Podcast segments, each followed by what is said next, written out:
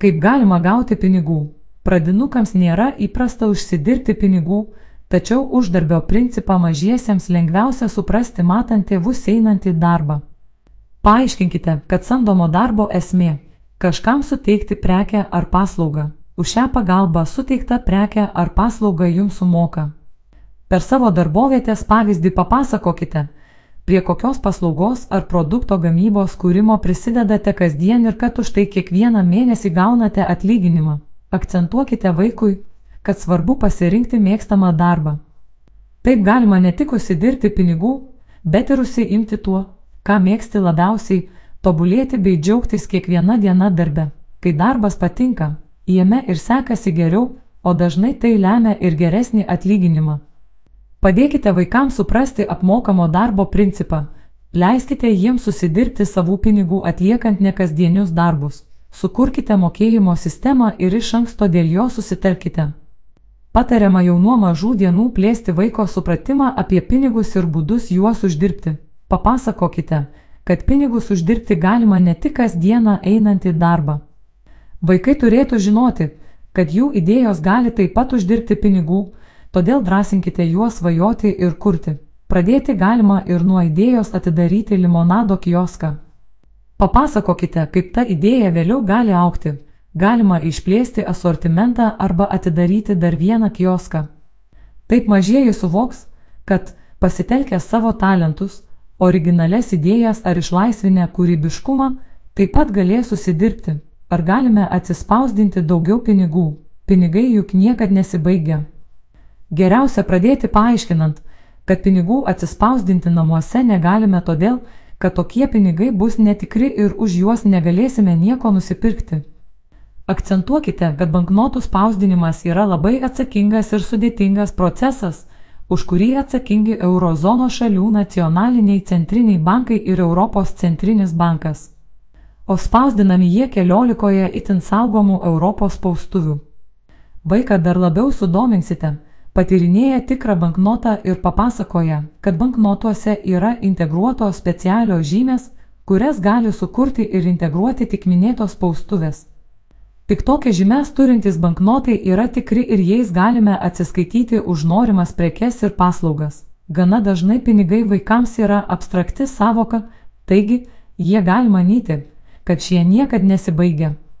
Užuot paaiškinę, kad pinigai neauga ant medžių, Pabandykite paaiškinti jiems taip, kad jie suprastų, jog pinigai yra ribotas išteklius. Pavyzdžiui, jei vaikas laiko pinigus taupyklėje, papasakokite, kad tą patį darote su pinigais, kuriuos uždirbate darbe. Kaip ir taupyklėje, jūs negalite išimti iš banko sąskaitos pinigų, kurių neįdėjote. Paaiškinkite, kad kiekvieną mėnesį į banko sąskaitą gaunate ribotą kiekį pinigų, kuriuos vėliau išleidžiate būtiniausioms reikmėms - maistui, būstui, mokyklai, darželiui. Taip pat atsidedate taupimui bei pramogoms ir nebūtiniesiems pirkiniams - kelionėms, saldainiams ir panašiai. Jeigu pirktumėte viską, kad tik panorėję, pinigai banko sąskaitoje baigtųsi labai greitai ir likusią mėnesio dalį negalėtumėte nieko įsigyti. Ar mes turtingi? Kas yra brangu ir kas yra pigu? Jau pradinėje mokykloje vaikai siekia apibriežti save ir savo šeimas, palyginti su draugais ir likusiu pasauliu. Net jei girdėjo draugus kalbant apie turtingumą ar vargą, vis tiek sunku suprasti, ką tai reiškia. Pabandykite suformuluoti vaikui savokos pasiturintis apibrėžimą. Svarbu atkreipti vaiko dėmesį į tai, kad yra žmonių, kurie turi daugiau nei jūs, tačiau yra ir tokių, kurie turi mažiau.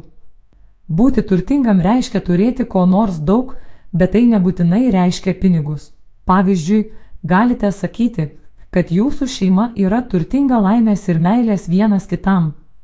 Aiškindami savokas pigu ir brangu, galite atsispirti nuo pavyzdžio, kad nusipirkti pigiai lengva, nes tam reikia nedaug pinigų.